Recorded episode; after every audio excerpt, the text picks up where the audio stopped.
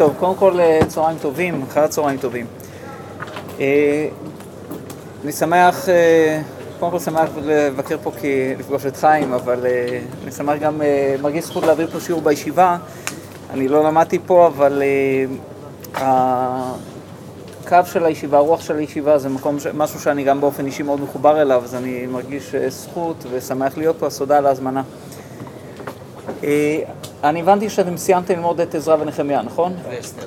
מה זה? גם אסתר. גם אסתר, אה, מצוין, מדהים. טוב, אני מקווה שאני אחדש לכם, ואם לא, אז אה, לפחות נעשה סוג של סיכום. אה, אני אתחיל אה, אולי קצת ברקע. אותי מה שהעיר להכין את השיעור הזה, במסגרת העבודה שלי ברבנות יצא לי להכין עוד שיעורים, אבל זה מבחינתי אחד מה... השיעורים המיוחדים גם בתזמון שיצא לי להכין אותו. לפני אה, ארבע שנים הייתי בערך בחודשיים בארצות הברית בסדרת הרצאות ובמסגרת זה הזמינו אותי להשתתף, זה היה ממש אה, לפני ערב פורים בוועידת האייפאק בוושינגטון. מישהו פעם היה שם? לא. אה, האמת היא שזו חוויה שאני חושב שכל ישראלי חייב לעבור אותה בשביל, בשביל קודם כל להבין מה זה יהדות ארצות הברית, ואני חושב שאז הבנתי הרבה יותר טוב את מגילת אסתר, ואת, ואת הרקע של, בעצם לספרי עזרא ונחמיה, שאנחנו ננסה לראות את זה היום.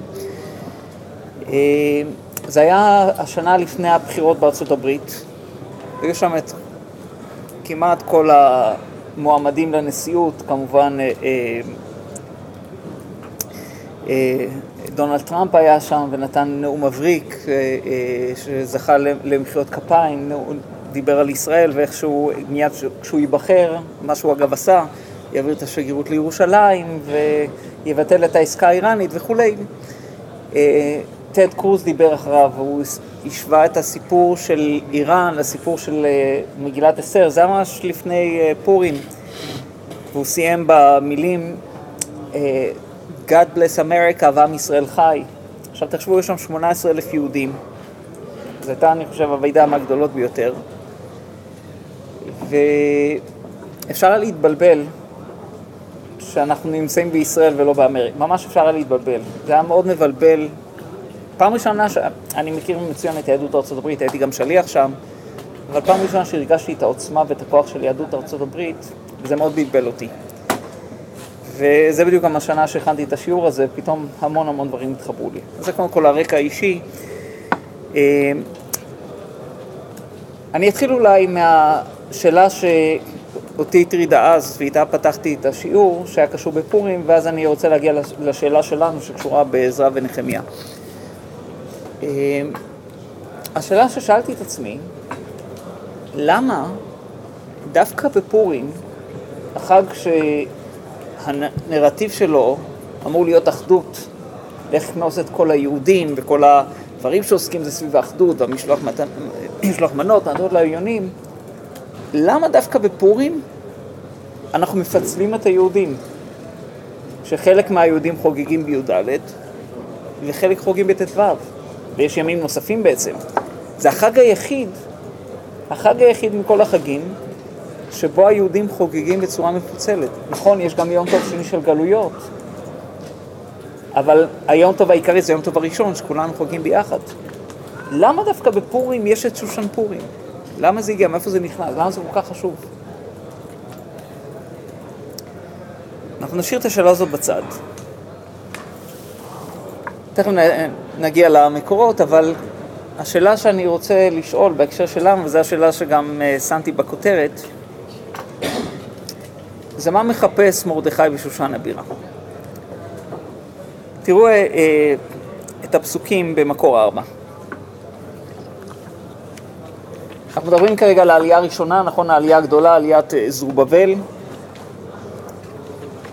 ואלה בני המדינה העולים משבי הגולה, אשר הוגלה נבוכדנצר מלך בבל לבבל, וישובו לירושלים ויהודה איש לעירו. נכון? זה מתרחש מיד לאחר הצהרת כורש, אחרי שכורש מנצח את הבבלים.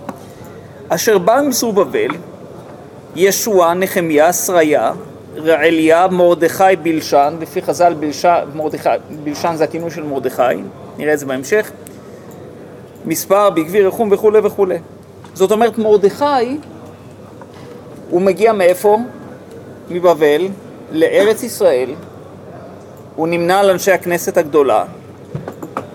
כל הקהל כאחד, ארבע ריבוע, 2,360, זה בעצם העלייה הראשונה, יש אחרי זה עוד עלייה, עלייה קטנה יותר שתעלה עם עזרה, אבל זה מרבית העלייה של תחילת ימי אה, בית שני. מרדכי עולה לארץ מבבל, איך הוא בכלל הגיע לשושן הבירה? מה הוא עושה בשושן הבירה? אנחנו יודעים שנחמיה הגיע מאיפה? משושן הבירה, נכון? שם הוא היה. ומשם הוא קיבל את המין... מה, איך, איך מרדכי מגיע לשושן? למה? הוא עלה כבר לארץ. ונחמיה פה? מה זה? ונחמיה שמופיע פה? זה אותו נחמיה? אה, זו שאלה, אה, לדעתי זה נחמיה אחר. אז אולי גם מרדכי פה זה מרדכי אחר. חז"ל דורשים שזה אותו מרדכי. בסדר? גם מבחינה כרונולוגית. כי צריך לזכור שסיפור המגילה קדם לכל הסיפור של עזרא ונחמיה. מבחינת המלכים.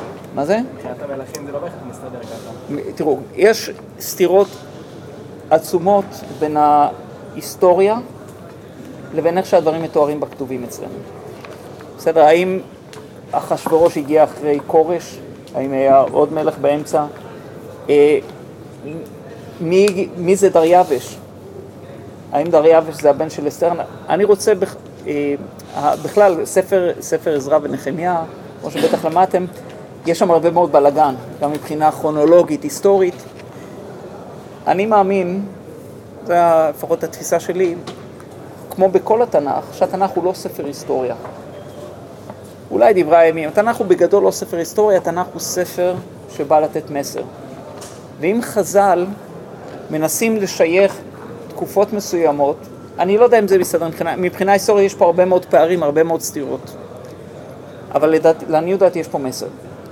ואת המסר הזה אני רוצה לראות, ולפי המסר הזה יש את כורש, אחשורוש, דריווש, הוא בעצם הבן של אסתר. לפי חז"ל, לפי החז"ל ברש"י והפרשנות, אה, וכל הסיפור של אחשורוש נכנס פה, אותם 13 שנה שאחשורוש מלך, נכנסות פה בדיוק בין השנים שהתחילה העלייה, אותם 18 שנים שהתחילו לבנות את בית המקדש ואז הפסיקו עד שהשלימו את הבנייה של בית המקדש בימי דריווש. זה קורה בדיוק בתקופת אחשורוש, סיפור של מגילת אסתר, ורק לאחר מכן מגיע הסיפור של עזרא ונחמיה. זאת אומרת, הספרים מתחילים לתאר את מה שהיה לפני כן, אבל עזרא ונחמיה בפועל מגיעים לארץ אה, אחרי הסיפור של, אה, אה, אחרי הסיפור של מגילת אסתר. כמה שנים, יש, שם, יש הרבה מאוד סתירות בין ההיסטוריונים לבין דברי חז"ל. אני כרגע מנסה לתאר את התמונה לפי דברי חז"ל, כי המטרה שלי, כמו, כמו שאמרתי, היא לא לתאר עכשיו תיאור היסטורי, אלא תיאור חינוכי של מסר, שאני חושב שהיום קל מאוד להבין את המסר הזה, שאנחנו ננסה לאט לאט לקלף אותו. אה, בכל מקרה, מרדכי שנמצא כאן זה ודאי מרדכי שלנו מהמגילה, והשאלה מה הוא עושה אחרי זה בשושן. בואו נתחיל, אה, התחלנו מה, מהשאלה על אה, שוש, שושן הבירה, אני רוצה לחזור לתחילת המקורות. מקור הראשון, נעשה ככה אה, ויש מהמקורות, שאני מניח שאתם מכירים את רובם. המשנה מסר מגילה אומרת, כרכין המוקפין חומה ממות יהושע בן נון קוראים בחמישה עשר כפרים ועיירות גדולות קוראים בארבע עשר. אז השאלה ששאלנו הראשונה, א', למה עושים את החלוקה הזאת? וב', למה דווקא הנושא של ימות יהושע בן נון? למה הדבר הזה, מה, מה זה כל כך, אם מדובר על ערים בגלל שיש להם חומה כמו שושן הבירה, אז למה דווקא מימות יהושע בן נון? איך זה נכנס פה לכל השיקולים הללו? אז בואו נראה את ההמשך, את הגמרא בירושלמי, נותנת קצת הסבר אה, מעמיק יותר, מקור שתיים. כרכים המוקפים חומה ממות יהושע בן נון, קורין בחמישה עשר. רבי סימון ושם רבי יהושע בן לוי חלקו כבוד לארץ ישראל, שהייתה חרבה באותן הימים, ותלו אותה מימות יהושע בן נון. אני עדיין לא מבין למה ימות יהושע בן נון, אבל דבר אחד שחז"ל אומרים לנו, וזה חשוב מאוד בשביל להבין את הקונטקסט של הסיפור, רצו לתת כבוד לארץ ישראל. כלומר, יש פה איזה משהו של תיקון, תיקון של עוול היסטורי, של חוסר כבוד לארץ ישראל, כמו שתכף נראה בכל הסיפור של המגילה, כמה חוסר כבוד יש לארץ ישראל, ובעצם התקנה של שושן פורים, למה אני עוד לא יודע, אבל התקנה של שושן פורים באה בשביל לתת כבוד לארץ ישראל. יש פה איזו מגמה לתקן איזה קלקול שהיה קשור שם בכל הסיפור. תראו את זה גם בדברי הרמב"ם במקור שלוש. ולמה תלו הדבר בימי יהושע? כדי לחלוק כבוד לארץ ישראל שהייתה חרבה באותו הזמן, כדי שיהיו קוראים כבני שושן, ויחשבו כאילו הם כרכין המוקפין חומה. אף על פי שנטע חרבין, הואיל והיו מוקפין בימי יהושע, ויהיה זיכרון לארץ ישראל בנס הזה. שוב, אז קודם כל, הרמב"ם מסביר גם כן, כמו בירושלמי, המטרה של שושן פורים זה זיכרון לארץ ישראל, וההסבר שלו הוא הסבר טכני, גם שבארץ ישראל חרבה ואין בה הרים מוקפות חומה, שהחומה זה בעצם הביטחון, אבל בכל מקום שיהיה מוקף חומה יזכרו שפעם היו מקומות כאלה בארץ ישראל. זה, כך מסביר את זה הרמב"ם, זה הסבר שהוא טכני, כמו שאמרתי, אני רוצה בהמשך לנסות לתת הסבר יותר קונטקסטואלי שקשור בכל הסיפור, בכל הנרטיב. אגב, אני מבקש אם אה, תקשו עליי, תשאלו שאלות, תעירו כל מי שרוצה, בסדר, זה לא, אה, אה, אין לי מגמה שזה יהיה כאן אה, הרצאה. אוקיי, אז בואו בואו נתחיל להיכנס לסיפור רקע של המגילה, של מגילת אסתר. סיפור הרקע של המגילה אנחנו מוצאים, הרי המגילה מאיפה היא מתחילה? מתחילה בשנה השלישית למלכותו של אחשורוש. מה היה לפני כן? אנחנו לא יודעים. אבל אנחנו כן יודעים את זה מספר עזרא, שספר עזרא נותן לנו קצת את הרקע. אז בואו נראה את זה במקור חמש. וים הארץ מרפים ידי עם יהודה ומבעלים אותם לבנות, נכון? אחרי, ש... אחרי הצהרת קור שהתחילו לבנות את בית המקדש מגיעים כל המעכבים, ושוכרים עליהם יועצים להפר עצתם כל ימי כורש מלך פרס ועד מלכות דריווש מלך פרס. בסדר, ואני כרגע הולך לפי התפיסה של חז"ל, שדריווש הוא הבן של אחשורוש, ובעצם מימי כורש עד ימי דריווש יש כאן עיכובים, ולא לא מאפשרים להשלים את מלאכת הבניין. ובמלכות אחשורוש, בתחילת מלכותו, עכשיו אנחנו מבינים מה קורה בתחילת מלכותו, כתבו שטנה על יושבי יהודה וירושלים. מי כתב את אותה שטנה, אתם יודעים? מישהו זוכר? מה זה? אוקיי, זה השמות, ש, זה השמות שמופיעים שם. מי, אתם זוכ, מכירים את דברי חז"ל? מישהו זוכר? מה? יפה. אז בואו תראו את רש"י. רש"י במקור 6, ובמלכות אחשורוש, שמלך אחר כורש, בסדר? ושוב זה לפי חז"ל, הוא אחשורוש שלקח אסתר, כתבו שטנה שלא לבנות בית המקדש. זאת אומרת, כשבעצם ביום שאחשורוש נכנס למלכות, עד אז היו את כל המעכבים. מהיום שאחשורוש נכנס למלכות, מה הוא בעצם עושה? הוא מקפיא את הצעת כורש, נכון? הרי מה כורש עשה? הייתה לו את הנבואה, נתן אישור, נתן אישור לבנות את המקדש, ניסו לעכב את זה כל הזמן, זה התעכב. כשנכנס אחשורוש לשלטון, עכשיו זה הופך להיות רשמי. כותבים עכשיו שטנה. תכף אנחנו נראה עד כמה זה רשמי, עד כמה אחשורוש בעצם אפשר לזה לקרות. כלומר, הוא בעצם תמך בזה. אגב, אה, תראו את זה גם בפסוקים, אני חוזר רגע למקור חמש, לפרק ד', פסוק כ"ד. בדין בטלת אבידת בית אלעדי בירושלים, בטלה עבודת בית האלוהים בירושלים, ואבה בתלה, בעצם הם עיכבו את זה, עד שנת תרתין למלכות דריווש מלך פרס. בסדר? עד השנה השנייה למלכות דריווש, שדריווש מלך, בעצם חודשה עבודת המקדש. כמה זמן לקח להשלים אותה, אתם זוכרים? לא, סך הכל, אבל מרגע שדריווש חידש אותה, ארבע שנים. בשנה השישית למלכותו, אז בעצם אה, בית המקדש אה, הושלם. אוקיי. תראו את רש"י על, מגל... על אה, מגילת אסתר, מקור שבע. עשרת בני המן, אומר רש"י, ראיתי בסדר עולם, וזה, כמו שאמרתי, ההיסטוריה של חז"ל, ההיסטוריה על פי חז"ל. אלו עשרה, עשרת בני המן, שכתבו שטנה על יהודה וירושלים. כמו שכתוב בספר זר, מלכות אחשורוש בתחילת מלכותו כתבו שטנה. ומהי השטנה? לבטל העולים מן הגולה בימי כורש שהתחילו לבנות את הבית ולשון עליהם הכותים והחדילום. וכשמת כורש ומלך אחשורוש והתנשא המן דאג שלא יעסקו אותם שבירושלים בבניין ושלח בשם אחשורוש לשרי עבר הנהר לבטלן. אוקיי, אנחנו כבר מתחילים לקבל את הרקע. בעצם המן ובניו, מה הם ניסו לעשות? באופ... לקחת מה שעד עכשיו היה לא רשמי, להפוך את זה לרשמי, זאת אומרת לבטל את הצהרת כורש. בואו רגע נעצור. איפה עמלק תמיד פגשנו אותו בהיסטוריה? באיזה נקודות? עוד פעם? אבל מתי? מה, מה, מתי הוא התגלה? הוא, הוא, הוא, הוא נלחם נגד הנחשלים, אבל מתי? באיזה נקודות היסטוריות? לא סתם בדרך. הוא, תמיד בא אלינו רגע לפני ההתגלות.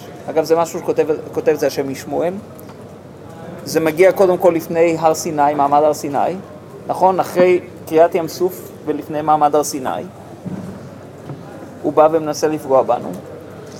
זה קורה בבית ראשון, הרי המלכות, מה התפקיד של המלך? לבנות את בית המקדש. שאול, בגלל אותו מפגש עם הגג, לא זכה לבנות את בית המקדש ולכן כל הבניין התעכב. גם כאן, בית המקדש זה ההתגלות. איפה עמלק נפגש בנו? רגע לפני ההתגלות. עוד, עוד נקודה למחשבה. אה, אתם מכירים את... מופיע בגמרא על אה, גרממיה, שזה מבני בניו של... גם מזרע עמלק, כך מופיע בגמרא. אם אפשר להגדיר בהיסטוריה, הרי האומות התערבבו, מה שבלבל סנחריב את האומות, עוד אויב אחד שכל המגמה שלו הייתה להשמיד אותנו בלי שום עניין טריטוריאלי, כמו עמלק, הגיע משום מקום. פשוט להשמיד אותנו בשביל להילחם בקדוש ברוך הוא, זה היו, היו הנאצים יימח שמם. זה גם היה רגע אחד לפני החזרה לארץ. זה בעצם הרצף ההיסטורי של עמלק. המן ובניו הם מנסים בעצם לעצור את כל מה שכורש התחיל, את החזרה לארץ, את בניין בית המקדש. עכשיו אתם זוכרים לגבי עמלק, מה זה אשר קרחה בדרך? איך חז"ל, מה, מה חז"ל מסבירים מה זה אשר קרחה בדרך? שם קירור או קרי. או על שם קירור, כלומר לקחת את כל ההתלהבות ומה? להכניס אותנו למקום של אדישות, או שהכל מקרה. אגב, זה מרתק, כי במגילה, נכון, מגילת אסתר, אנחנו יודעים מה אין שם? את הקדוש ברוך הוא, הכל כאילו מקרה, נכון? במקרה מרדכי עובר, ושומע את ביתם, הכל במקרה, במקרה כשהמן נופל על המיטה, המלך נכנס, הכל במקרה. אבל הקדוש ברוך הוא מאחורי פה. תכף נראה גם את הקרירות, את האדישות, שזה אולי הדבר שמאפיין ביותר את מה קורה בשושן הבירה אצל היהודים, אנחנו עוד מעט נגיע לזה. אוקיי, בואו נעבור למדרש במקור שמונה. אמר רבי, אחשורוש, למה הוא נקרא אחשורוש? אחיו של ראש ובן גילו של ראש. אחיו של נבוכדנצר הרשע, שהחריב בית המקדש, והוא ביקש לאחיו כי דכתיבו במלכות אחשורוש בתחילת מלכותו כתבו שטנה. שימו לב, לא סתם כתוב במלכות אחשורוש בתחילת מלכותו. זה לא רק ציון של זמן, זה ציון של, כמו שאמרנו, הוא אפשר לזה, הוא נתן לזה לקרות. זאת אומרת, המן הוא בעצם שירת את האינטרסים של אחשורוש. אחשורוש מנסה לעשות, מה עשה נבוכדנצר? החריב את בית המקדש. מה מנסה אחשורוש לעשות? לעצור את בניין בית המקדש. עכשיו, כורש, המלך הקודם, שוב לפי חז"ל, הוא זה שהייתה לו נבואה, הוא זה שרצה שזה יקרה. אז הוא לא יכול לסתור את דבריו, מה הכי נוח לו? שיש לו שליח, מי שעושה, הפועל השחור שעושה את העבודה השחורה, זה הסיפור של המן. דבר אחר, אני ממשיך במדרש, באו לבנות בית המקדש, עמד עליהם המן הרשע, ומשם יצא פרוסבוטי, כלומר שליח, מרדכי שיבנה בית המקדש. מרדכי ירד בשביל שיבנה בית המקדש בימיו, והמן ירד בשביל שיבטל בניין בית המקדש בימיו. שכך כתיבו מלכות אחשורוש בתחילת מלכותו כתבו שטנה, לפיכך צווחו וי, ויהי בימי אחשורוש. אתם יודעים מה זה המילה ויהי תמיד, איך אומרים חז"ל? מה זה ויהי? לשון צער, כמו וי. ויהי במלכות אחשורוש. למה, פתחנו בשאלה, מה מרדכי עושה בשושן? למה הוא מגיע לשושן? כי מה הוא מנסה לעשות? יפה. ש... מרדכי מגיע בשליחות פוליטית. עוד מעט נבין למה למרדכי את הכוח הזה. מרדכי מגיע בשליחות פוליטית, כשמה המטרה שלו, ותכף נראה איך המטרה הזאת נמצאת בכל הרקע של מגילת אסתר, המטרה שלו שבית המקדש ייבנה. כל הסיפור, הסיפור עם אסתר, הכל מתוך מגמה אחת, לדאוג שבית המקדש ייבנה. מרדכי הגיע לארץ, כלומר מרדכי הוא ציוני, הוא מהעולים הראשונים, וצריך לזכור שרוב העם לא עלה. זה מיעוט של העם עלה. מרדכי מגיע בנגלה בעלייה הראשונה, ציוני. הוא יורד לפרס מסיבה אחת פשוטה, הוא מנסה לדאוג שכל מה שקורה בארץ, אחרי שמפסיקים לעבוד, אולי אותה אחרי שטנה, לא ברור בדיוק מתי, מה הזמן שבו הוא הגיע לפרס, אבל הוא מגיע לפרס על מנת לדאוג שהגזרה הזאת תתבטל. תראו את דברי הרלב"ג, כך אה, אה, במקור תשע. אומר הרלב"ג, מרדכי בלשן הוא אשר היה יושב בשער המלך בימי המלך אחשורוש. ואל תטמע איך יצא מירושלים אחרי שנכנס שם. כי מפני השטנה שכתבו אחשורוש ושאר מלכי פרס להשבית המלאכה, הוצרכו לצאת משם להשתדל בכל עוז בהשלמת הבניין, אחר אשר ימצאו, ימצאו חן בעיני מלכי פרס. זאת אומרת, בעצם מרדכי מגיע בשליחות פוליטית. אגב, חז"ל אומרים, מרדכי הרי הוא התחיל, הוא היה מאנשי כנסת גדולה, כלומר הוא היה רב לצורך העניין, ומרגע שהוא הפך להיות פוליטיקאי, הוא איבד את החוכמה שלו. המלצה לרבנים לא להיכנס לפוליטיקה. תראו את ה... ככה אומרים חז"ל במסכת מגילה, פשוט מרתק. אמר יוסף, גדול תלמוד תורה מהצלת, יותר מהצלת נפשות. דמעיקר חשיב למרדכי בתר ארבעה, מרדכי הוא, נכון, הוא החמישי. ולבסוף בתר חמישה. מעיקר הכתיב, בעזרא אשר באו עם זרובבל, ישוע, נחמיה, עשריה, רעליה, מרדכי בלשן הוא החמישי. בנחמיה, תראו, גם כן מרדכי מופיע שם. הבאים זרובבל, יהושע, נחמיה, עזרא, רמיה, נחמני, מרדכי בלשן. אז שם הוא, בקיצור, הוא איבד מהחוכמה שלו מה שהוא נכנס לפוליטיקה.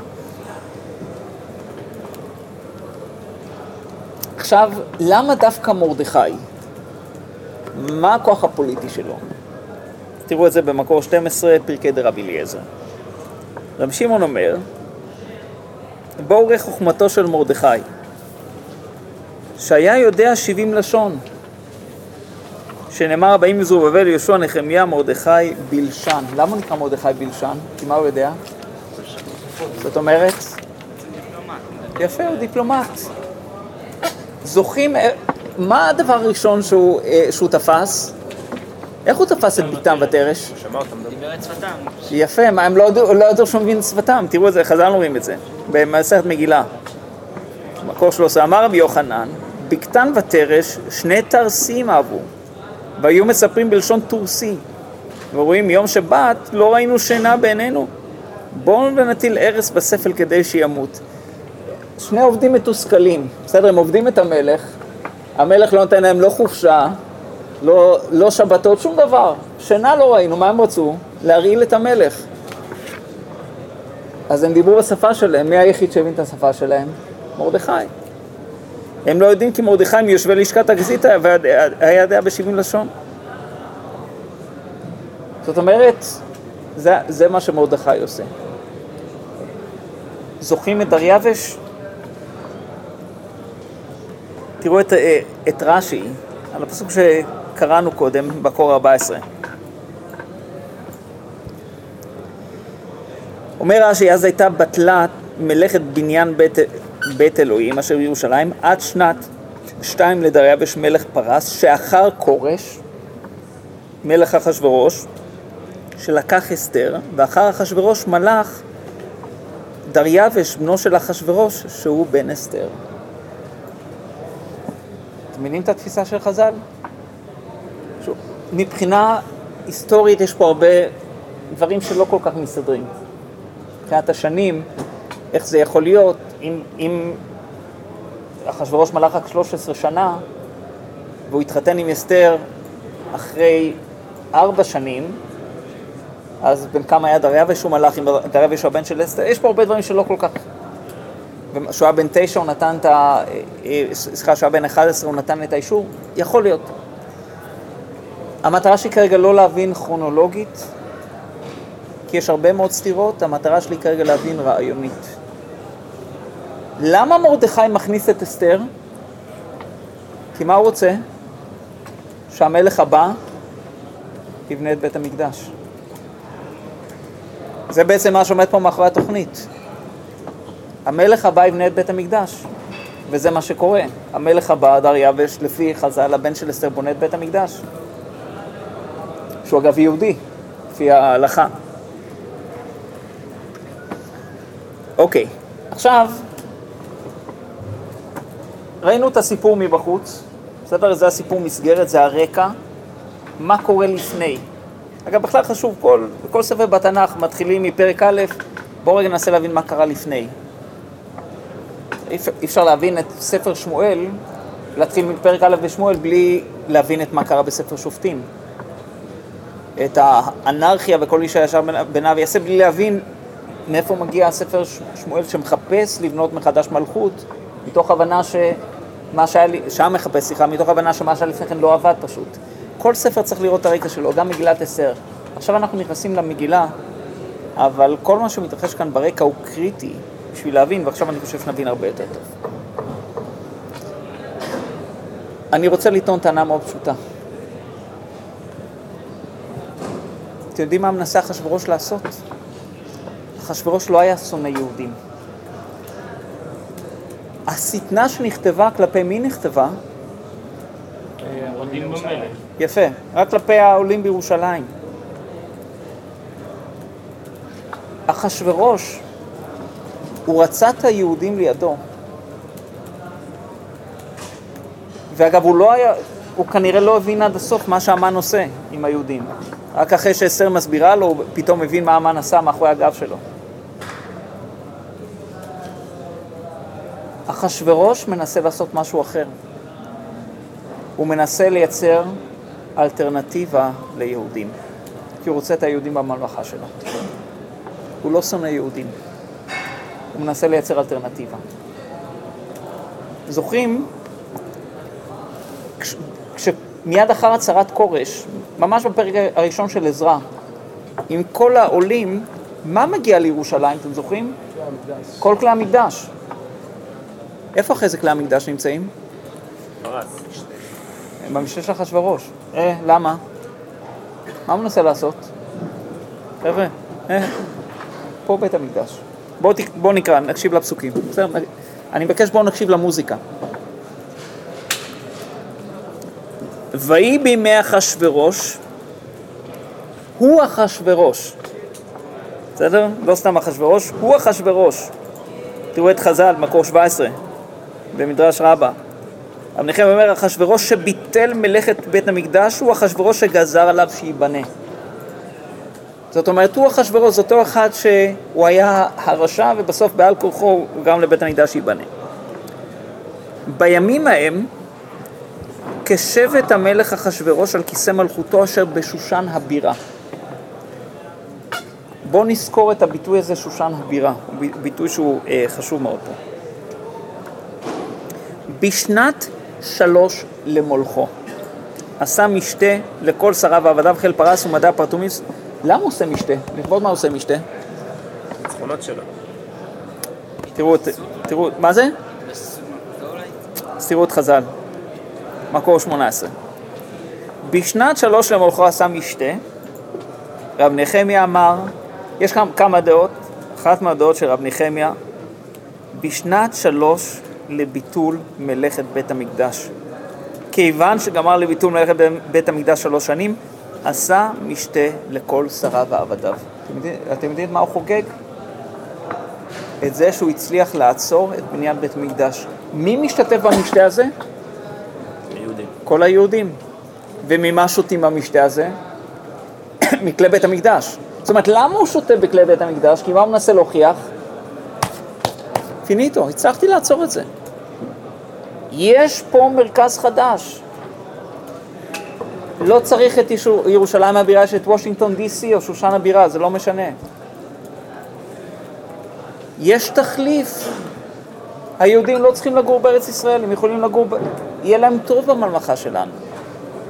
למה הוא רוצה את זה? מה האינטרס? היהודים חכמים? לא היהודים, כנראה, אינטרס כלכלי, היהודים היו חכמים. היהודים היו, אה, אה, כמעט בכל מקום שהם גרו, היהודים הביאו לצמיחה. בהראותות עושר כבוד מלכותו ואת יקר תפארת גדולתו. מה זה עושר כבוד מלכותו? זה כל ה... הדברים שהוא לקח, חלקם מהשאלה של בית המקדש. במלאת הימים הם עשה המלך לכל העם הנמצאים בשושן הבירה מגדול ועד קטון משתה שבעת ימים בחצר גינת ביתן המלך. חור וכרפס ותכלת אחוז וחבלי בוץ וארגמן. מזכיר לנו תכלת וארגמן את מה? משכן, נכון? על גלילי כסף ועמודי שש, מיטות זהב וכסף על רצפת בד ושש ודר וסוחרת והשקות בכלי זהב וכלים מכלים שונים, נכון שזה גלי בית המקדש ויין מלכות רב כיד המלך, והשתייה כדת אין אונס, כי כן ניסד המלך לכל רב ביתו לעשות כרצון איש ואיש. מה חשוב לו? שליהודים יהיה טוב, הכל יהיה בכשרות, כשרות בד"ץ, כשרות הכי מחמירה, שכל אחד יוכל לאכול פה במשתה. בעצם אחשורוש מנסה לייצר, הוא חוגג את הפסקת בית המקדש, יש עכשיו מרכז אלטרנטיבי ליהודים בשושן DC. בואו תראו, תראו את המדרשים, איך המדרשים אה, אה, מרחיבים את זה. קודם כל הסיפור של ושתי, נכון, מה, מאיפה זה מגיע? מקור 19. זכר את ושתי, גזירה זו שגזר עליה שתיכנס לפניו האומה ולא נכנסה וקצף עליה והרגה, ולמה עלתה לכך? לפי שלא הייתה מנחת לאחשוורוש ליתן רשות לבנות בית המקדש ואומרת לו, מה שהחריבו אבותיי אתה מבקש לבנות? מאיפה היא מגיעה? היא צאצאית של מי?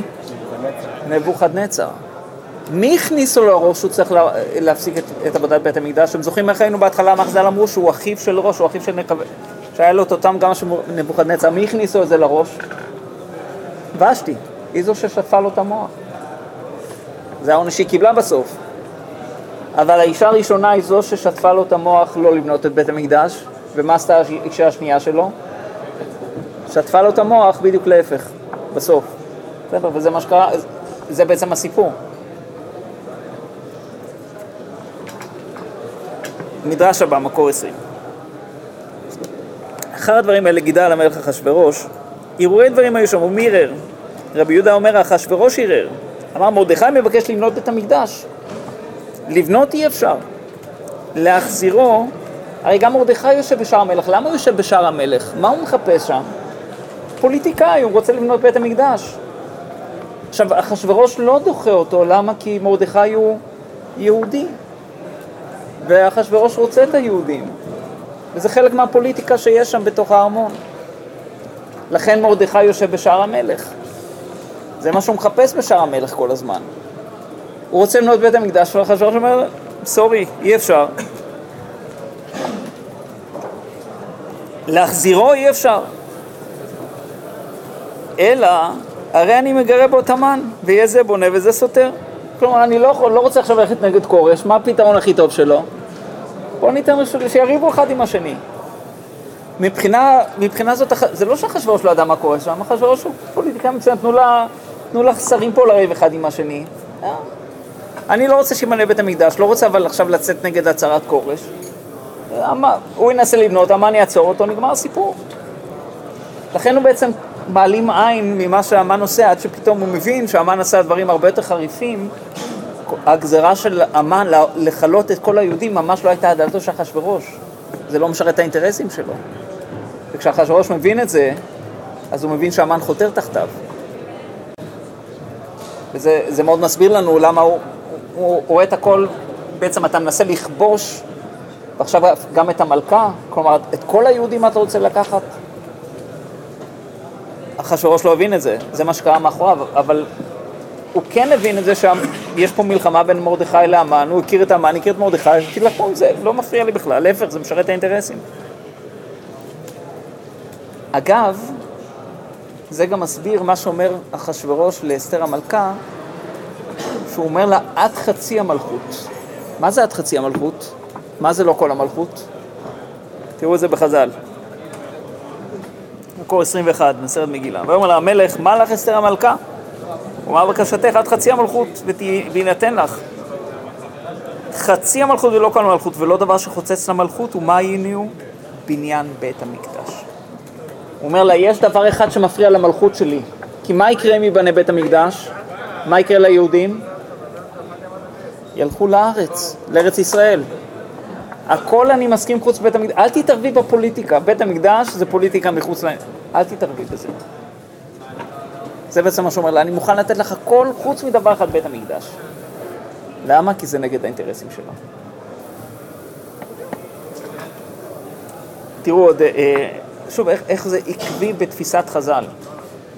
לכן אמרתי, מבחינה היסטורית, יש פה הרבה שאלות, אבל מבחינת המסר, הספר עצמו, איך ונחמיה מסודרים, הם מסודרים עם, עם הרבה מאוד אה, בעיות או דברים ש, שלא מסודרים כרונולוגית. השאלה כאן היא לא השאלה הכרונולוגית, היא לא השאלה ההיסטורית, אלא השאלה של המסר. והמסר כאן בדברי חז"ל הוא מאוד קונסיסטנטי, יש פה מלחמה על בית המקדש. ו- ולכן, איפה הסיפור של מגילת אסתר קורה? בדיוק באותם שנים בין התחלת בניית בית המקדש לבין הסיום שלו. בדיוק באותם שנים, כי זה הסיפור.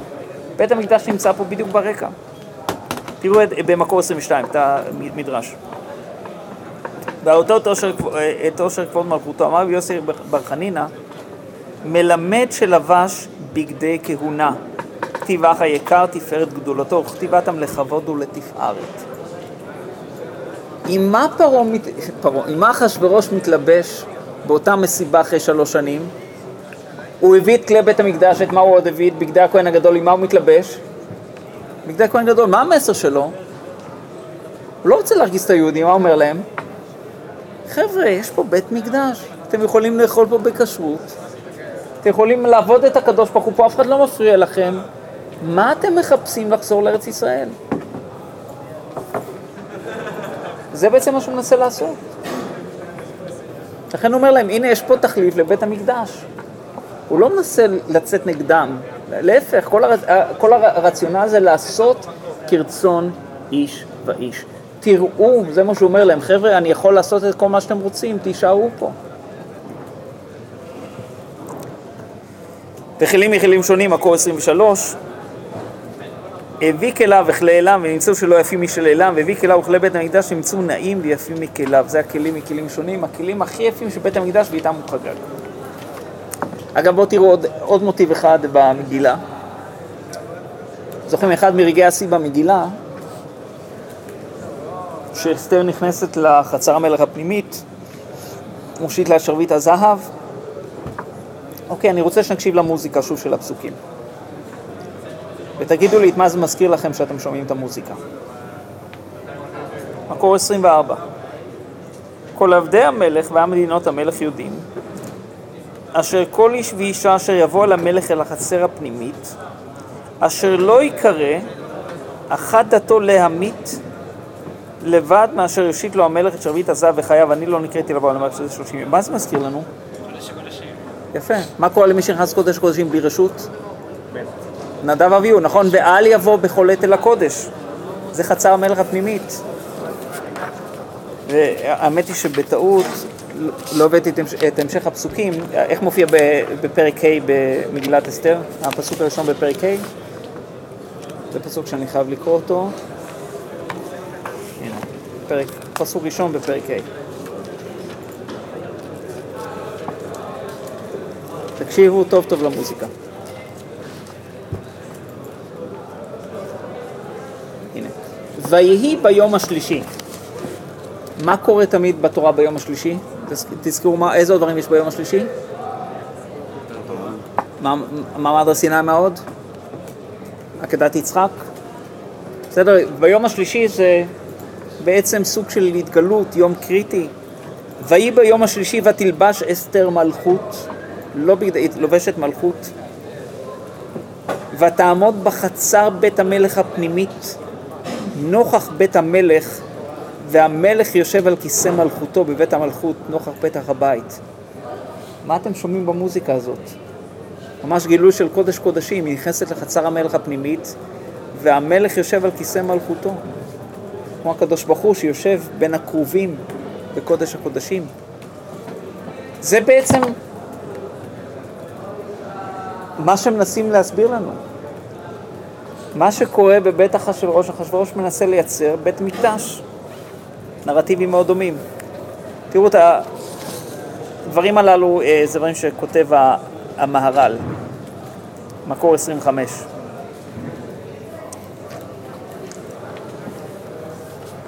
וכמו שהיה למשכן שהוא דירתו התברך, אדנים ועמודים וקלעים, כן עשה אחשורוש, והכל שיהיה מלכותא דהר כן מלכותא דרכיה.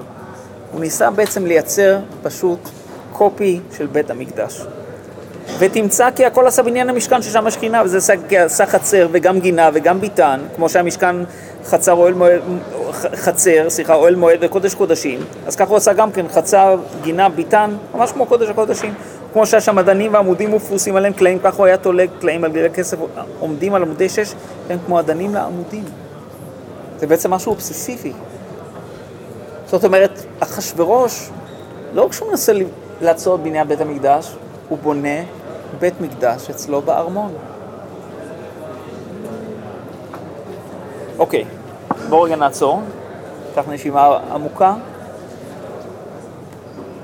נסכם בינתיים מה ראינו. ראינו שבעצם כל הרקע של המגילה הוא הפסקת בניין בית המקדש, זה מה שעושים המן ובניו,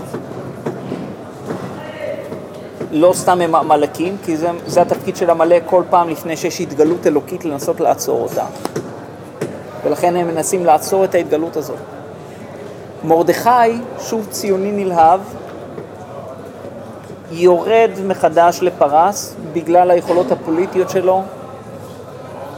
סביב זה הוא גם זוכה בקרדיט שהוא מציל את המלך מאות, מאותה מזימה.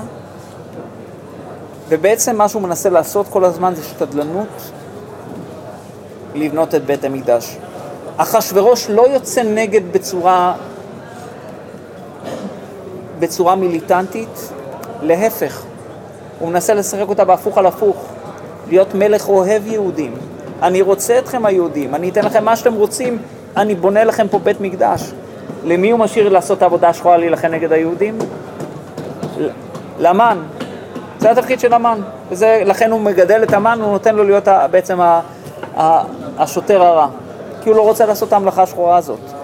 רק זה יצא משליטתו מתישהו, עד שהוא מבין מה, קורה, מה בעצם קורה, ואז הוא, הוא עושה את הסיפור הזה. אבל זה מה שחשברוש מנסה, הוא מנסה לבנות תחליף לבית המקדש. והיהודים, זה פה הסיפור, משתפים עם זה פעולה. מי היחיד שידע את כל מה שנעשה וקורע את בגדיו? מרדכי. מרדכי מבין כי הוא, הוא הגיע לשם מפרספקטיבה אחרת לגמרי, מפרספקטיבה ציונית, הוא מבין שיש פה משהו מעוות בכל הסיפור הזה. משהו שהיהודים לא מבינים.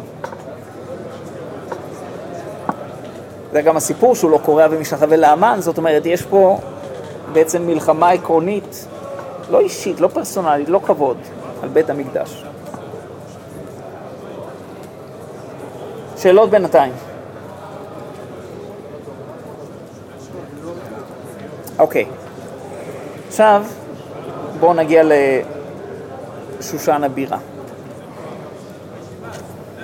תראו את אה, אה, דברי רבנו בחיי, מקור 26. בכל מקום שתמצא במגילה הזו בשושן הבירה, הכוונה על ארמון המלך, ששם כיסא מלכותו, שהיה שמו שושן, כי לשון הבירה הוא ארמון. והארמון הזה ששמו שושן היה בתוך עילם המדינה. כאן כתוב ספר דניאל, ואני בשושן הבירה אשר בעילם המדינה, וכולי. כשנמצא במגילה זו שושן סתם, או שושן הכוונה שם מדינה ששמה שושן, שהייתה קרובה לעילם.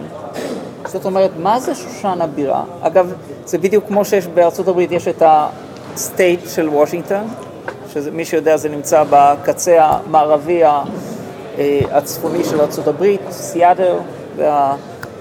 ויש את וושינגטון די.סי, שנמצאת בכלל במקום אחר לגמרי. לכן מה זה וושינגטון די.סי? זה שושן הבירה. ויש את שושן שזה וושינגטון, זה מדינת וושינגטון. אותו דבר ב... מה זה הבירה? בירה זה ארמון. מה זה שושן הבירה? המקום שבו ארמון שהמלך נמצא. שושן הבירה מופיע הרבה פעמים, מגילת אסתר, דניאל. יש עוד עיר אחת שנקראת בירה. איזה עיר? ירושלים. כי מה הבירה שבירושלים? מה הארמון שבירושלים?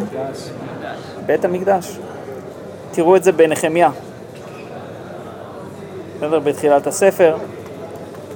ואומר, ואומר למלך, בעצם מתמנה לתכה של ירושלים, מקור 27, אם על המלך טוב יגרות, ייתנו על וחבות עבר הנהר שיעבירוני עד אשר אבוא ליהודה, ואיגרת אל אסף שומר הפרדס, אשר המלך ייתן לי עצים לכרות את שערי הבירה אשר לבית, ולחומת העיר ולבית אשר אבוא אליו. ירושלים נקראת הבירה, השם אותו ארמון. בעצם, יש כאן מסר מאוד פשוט. מה היהודים בשושן חשבו? הם החליפו את ירושלים, הבירה בוושינגטון די.סי. והם הרגישו שזה הבירה שלהם, שהם פה בטוחים, ששום דבר לא יקרה להם. זה המקום הכי בטוח בעולם. אגב, עכשיו אני חושב על זה, אה, הייתי, הייתי עכשיו בשבועות האחרונים, יצא לי להיות פעמיים בארצות הברית בחודשיים האחרונים. לא יודע אם אתם עוקבים אחרי החדשות, לא מספרים על זה יותר מדי. אה, שמעתם בטח על התקפה במאנסי, ויש שם כל, אה, בממוצע יש שם שתי התקפות אנטישמיות ביום באזור, באזור ניו יורק. אה, על, על ילדים, על... מטורף מה שקורה שם. דווקא במיוחד במלכות הכי אוהדת, שהיינו אמורים להרגיש בבית. ההיסטוריה פשוט חוזרת על עצמה, בכל... זה, זה עצוב. היהודים הרגישו כל כך בטוח בשושן הבירה. הרגישו שהנה זה המקום שלהם, שום דבר לא יקרה להם פה. הנה המלך נותן להם חסות, בית מקדש פה, יש פה את הכל, כשר, תראו איזה ישיבות אפשר לבנות פה. למה צריך להגיע לארץ? למה צריך לעלות לארץ? זה הסיפור של שושן הבירה. זה סימן? לנו עוד uh, כמה דקות. Uh, זה הסיפור, זה הסיפור של שושן הבירה. מה אנחנו עושים בשביל לחגוג? זה היום היחיד, זה החג היחיד, סליחה, שנותנים יום, זה הפסיק? לא, לא, לא. לא. אוקיי. זה החג היחיד שאנחנו נותנים יום מיוחד לירושלים. ובהפוך על הפוך, נכון? כל פורים זה ונהפוך הוא, איך זה נקרא? שושן פורים. ואיפה חוגגים את שושן פורים? בירושלים. עיר שמוקפת חומה. למה ממות יהושע בן נון? כי מה עשה יהושע בן נון שנכנס לארץ? הוא קידש, מופיע בגמרא מסת ערכין, הוא קידש את הבתי חומה. זאת אומרת, הוא בעצם יצר את הקדושה, זו הייתה המטרה, לקדש את הארץ, לקדש את הגבולות, את הרי החומה, הנה אנחנו פה, זה המקום שלנו, זה הבית שלנו. המגמה, המגמה של לקבוע את זה מימות יהושע בן נון, זה בעצם ליצור מחדש. אנחנו מחזירים עכשיו את האמונה בארץ ישראל. למרות שאולי אין עדיין בתי חומה, אנחנו מאמינים שיהיו פה בתי חומה, יהיו כאן חומות בצורות, נחזור לשוב כאן, ולכן אנחנו מחזירים את זה, מה שיהושע בן נון עשה, אנחנו בעצם עושים, עושים את זה מחדש, מקימים את הארץ מחדש. וזה הסיפור של שושן פורים, שחוגגים אותו קודם כל בירושלים, בשביל להזכיר שיש לנו בירה אחת, לא וושינגטון ולא שושן, אלא ירושלים הבירה. תראו את זה בדברי, בדברי הבית יוסף, השולחן ערוך, רבי יוסף קארו. היינו תמה, כיוון שמצווה זו הוקבעה בזמן חורבנה של ארץ ישראל. ראו חכמים שבאותו הדור לעשות זכר לארץ ישראל בנס זה, כדאמרין בפרק בת עד ראש השנה, דאיתלן למי בת זכר למקדש. שימו לב, זה לא סתם זכר לזה שארץ ישראל הייתה חרבה. זוכרים, שאלנו, למה דווקא שושן פורים? זה זכר למקדש, שאף פעם לא נשכח שיש לנו בירה אחת ויש לנו מקדש אחד. לפיכך תיקנו שמוקפים חומה מימות ישוע בן נון, יקראו בט"ו, אפשר לראות בי"ד, ואילו לא היו מחלקים ביניהם, לא היה לארץ ישראל זכר בנס הזה. כי בכל הגלויות חוגגים בי"ד. בכל הגלויות... יש עיר אחת לפחות שבה תמיד נחגוג בט"ו, ירושלים. וזה בעצם הסיפור. וזה מה שניסה מרדכי להשיג, לכן מרדכי מגיע מירושלים לשושן הבירה, בשביל לדאוג שלא נשכח את ירושלים. אגב, רק בשביל להרחיב על זה, או לסגור את הסיפור, תראו איך חז"ל אה, מתארים את החומרה של המקום שהגענו אליו שם. מקור 29, שאלו תלמידה, תלמידיו את רשב"י, מפני מה נתחייבו שונאיהם של ישראל שבאותו הדור כליה? כלומר, למה מישראל התחייבו כליה? עכשיו, בואו רגע נעצור. אתם למדתם נכון עזרא ונחמיה. כשעזרא ונחמיה מתוודים על החטאים והעוונות של עם ישראל, על מה הם מתוודים? מתוודים על עבודה זרה? יפה. שימו לב, בית ראשון היה כולו שתו בעבודה זרה. יצאנו מהגלות, אין שם עבודה זרה, מה יש שם? התבוללות. הסיפור זה סיפור של התבוללות. זה הסיפור המרכזי, יש גם, נחמיה גם מוחה על השבת, על חילול השבת, שאולי גם זה בגלל המסחר עם הגויים. על חילול השבת לא, במובן של המסחר. לא, שאגב, התורה לא מדברת על מסחר. עיבוד הזהות היהודית. לא עבודה זרה. זה הסיפור. הסיפור של התבוללות. לכן גם רוב עם ישראל לא עולה לארץ, למה? כי טוב להם שם, כי התבוללו. זה מה ששואלים חז"ל. למה נתחייבו כליה? למה יש גזירה של פתרון סופי, של שמט סופי על כל העם? הרי הם לא עבדו עבודה זרה. אמר להם, אמרו אתם, אמרו לו, מפני שנהנו מסעודתו של אותו הרשע. הסיפור נטו התבוללות. תראו איזה מקור 30. רבי ישמעאל אומר, ישראל שבחוץ על הארץ, עובדי עבודת כוכבים, בטהרה הן. שימו לב איך חז"ל מגדירים אותם.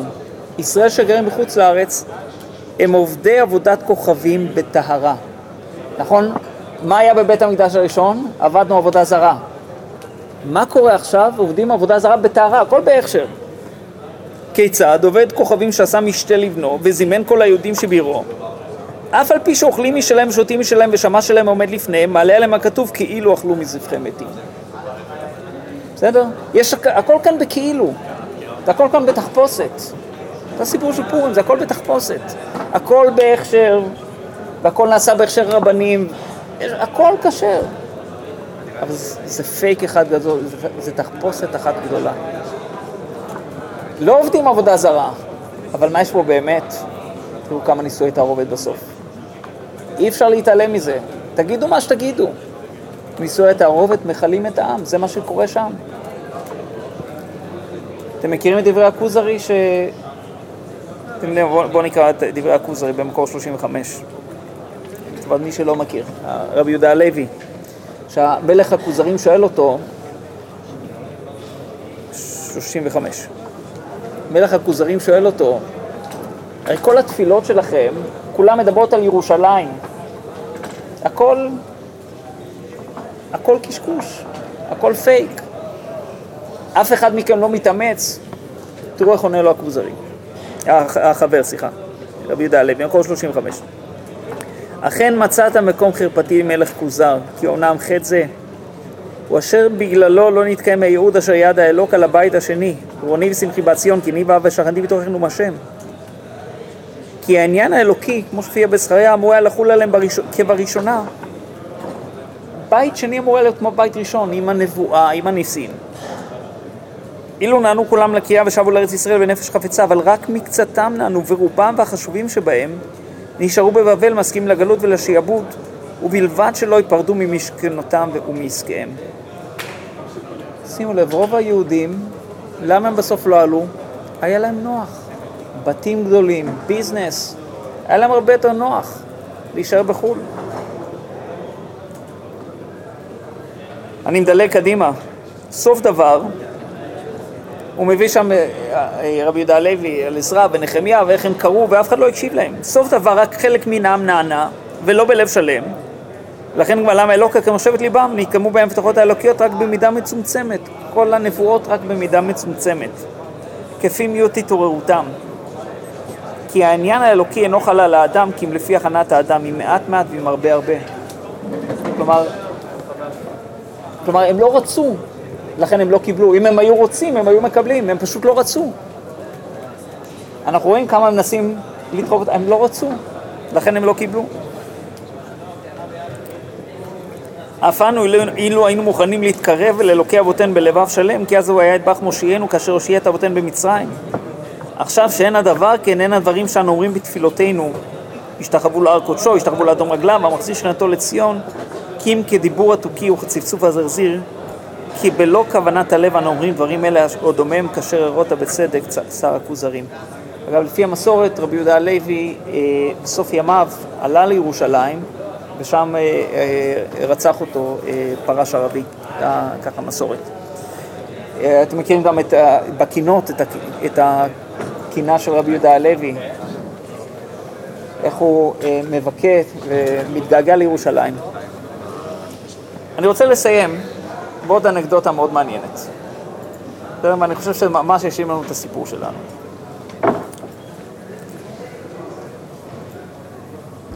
סיימנו לא מזמן את חנוכה, נכון? בחנוכה אמרנו הלל. למה בפורים לא אומרים הלל? זה הרי נס לא פחות גדול של חנוכה. למה בפורים לא אומרים הלל?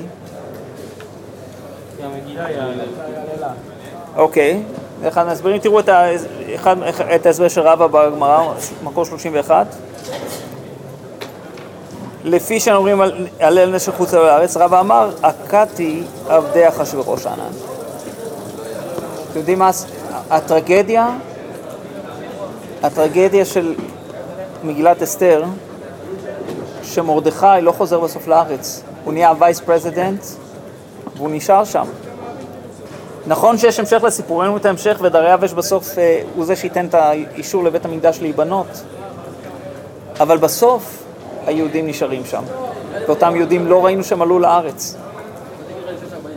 וחז"ל אומרים, לכן אנחנו לא נאמר על זה הלל. אבל, פה מאוד מעניין.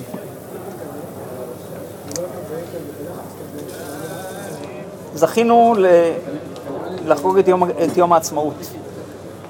תראו דברים שכותב השפת אמת, שנת תרמ"א. בסדר, הוא כותב את זה בפולין, בגור.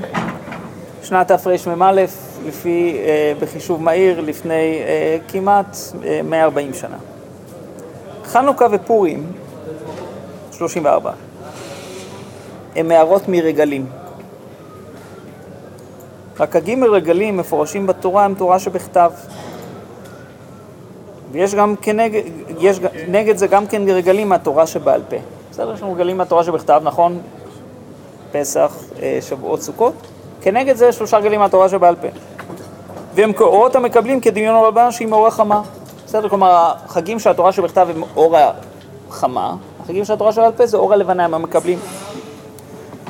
כן על ידי כוחן של בני ישראל בקבלתם היום טוב כראוי, נשאר מכל יום טוב רשימה בכנסת ישראל. כל יום טוב משאיר איזה רושם, איזה רשימו בלשון הקבלה, משהו שנשאר איתנו. ובכוח זה הוציאה כנגדם רגלים אחרים. וחנוכה הערה מחג הסוכות. יש הרבה הגבלות בין חנוכה לסוכות, שמונה ימים, שמונה ימים, נכון, כל שמיני עצרת. זוכרים שיטת בית שמאי כנגד פערי החג, פוחת והולך.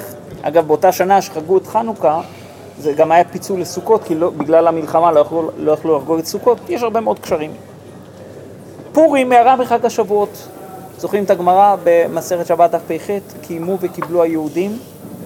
נכון שחז"ל שואלים, הרי בגלל שהקדוש ברוך הוא כפה רק כגיגית, מעמד הר סיני לא מחייב אותנו.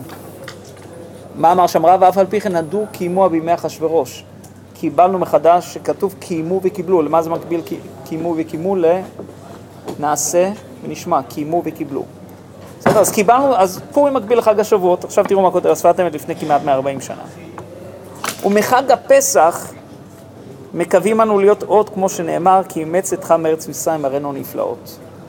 אומר השפת אמת, חג הפסח היה יום העצמאות המקורי, המקורי שלנו. אגב, איך אנחנו חוגגים, איך חגגנו בפסח פעם? לא כמו היום, בבית, בליל הסדר, באיזה, או במלון או באיזה איך חגגנו פעם? על האש, מנגל, בסדר? זה, קורבן פסח, על האש. אומר השפת אמת, אנחנו מחכים עכשיו לחג השלישי מהתורה שבעל פה, שיהיה כנגד פסח. זכינו בדור שלנו שיש לנו אולי כנגד ראשון של פסח את יום העצמאות, וכנגד שביעי של פסח, קריאת ים סוף, שכבר אין דרך חזרה, יום ירושלים. שני חגים שממש יוצאים אחרי פסח שמשלימים את, את, את הסריה הזאת. אותו הלל האבוד, שלא אמרנו אותו בפורים, כי שכחנו שצריך לחזור לארץ. עכשיו שזכינו לחזור לארץ אומרים אותו. ועוד דבר אחרון, בזה נסיים. תראו את הגמרא מסרת ברכות. מקום 33, אמר אולה, נקיטינן, מקובלים אנו, אין אוכלוסה בבבל. לא יכול להיות עם בבבל. עם יכול, בבל יכולה להיות קהילה, עם יכול להיות רק בארץ ישראל. תנא, אין אוכלוסה פחותה מ-60 ריבו. אומרת הגמרא, יש בעצם שני תנאים בשביל להקים אותנו כעם. זה המקום ארץ ישראל והמספר, 600 אלף. בשנת תש"ח, 1948, שחזרנו לארץ, היישוב, היישוב היהודי כאן מנה 600 אלף איש. אחרי אלפיים שנות גלות של קהילות, חזרנו להיות עם. זה המשמעות של הנס הזה. זה מה שהם לא הצליחו להבין אז. כי מה קרה באותה תקופה? איפה היה רוב העם? חוץ לארץ. עכשיו, עכשיו, היום, בפעם הראשונה מחורבן הבית הראשון, כי אנחנו יודעים מה היה בתקופת הבית השני, פעם ראשונה מחורבן בית ראשון, שהריכוז הגדול של יהוד, ביותר של יהודים נמצא כאן בארץ, יותר מאשר בארצות הברית. בערך בעוד שנתיים, שלוש לפי התחזיות, לא רק, גם בגלל הילודה העצומה כאן בארץ, אבל לצערנו גם בגלל ההתבוללות העצומה, שזה בדיוק הסיפור, ממש הסיפור של עזרא ונחמיה וההתבוללות זה מה שקורה היום בגלות ובארצות הברית בכל מקום. בעוד שנתיים שלוש הרוב היהודי בעולם יהיה כאן בארץ פעם ראשונה החל מחורבן בית ראשון. אם אתם שואלים אותי, זה הנס הכי גדול בהיסטוריה. הרבה יותר גדול מקריאת ים סוף, הרבה יותר גדול מכל הניסים, כי כל, כל הדברים האלה כתובים בתורה. הבאתי לכם את הפסוקים שאתם ודאי מכירים מספר דברים, כל הדברים האלה, ושב השם אלוקיך ושב קיבצך, אם נידחה בקצה השמיים, משם יקבצך אלוקיך, השם אלוקיך, משם יקחך, ובאך לארץ וכולי. כל הנבואות, חזון לעצמות, הכל קורה. כנגד כל הסיכויים. הכל מופיע בתורה, כשזה קורה ומתרחש מול העיניים שלנו. זה הנס הכי גדול בהיסטוריה. ושוב, והנס הזה יכול לקרות, כמו שאז קרה. ובונים את הבית, ויש כל כך הרבה שפשוט לא מקשיבים לקריאה הזאת. וזה המסר של, של כל הספרים האלה לדורות. כמו שאמרתי, זה סיפור שצריך לראות אותו כמכלול, וזה הזיכרון בשושן פורים, שיש לנו בירה אחת בירושלים, וזה מה שמרדכי ניסה לעשות. הוא עזב את הארץ כי הוא רצה בסופו של דבר לדאוג שבית המקדש ייבנה, ובסוף הוא הצליח בזה. תודה רבה לכל המקשיבים והמשתתפים.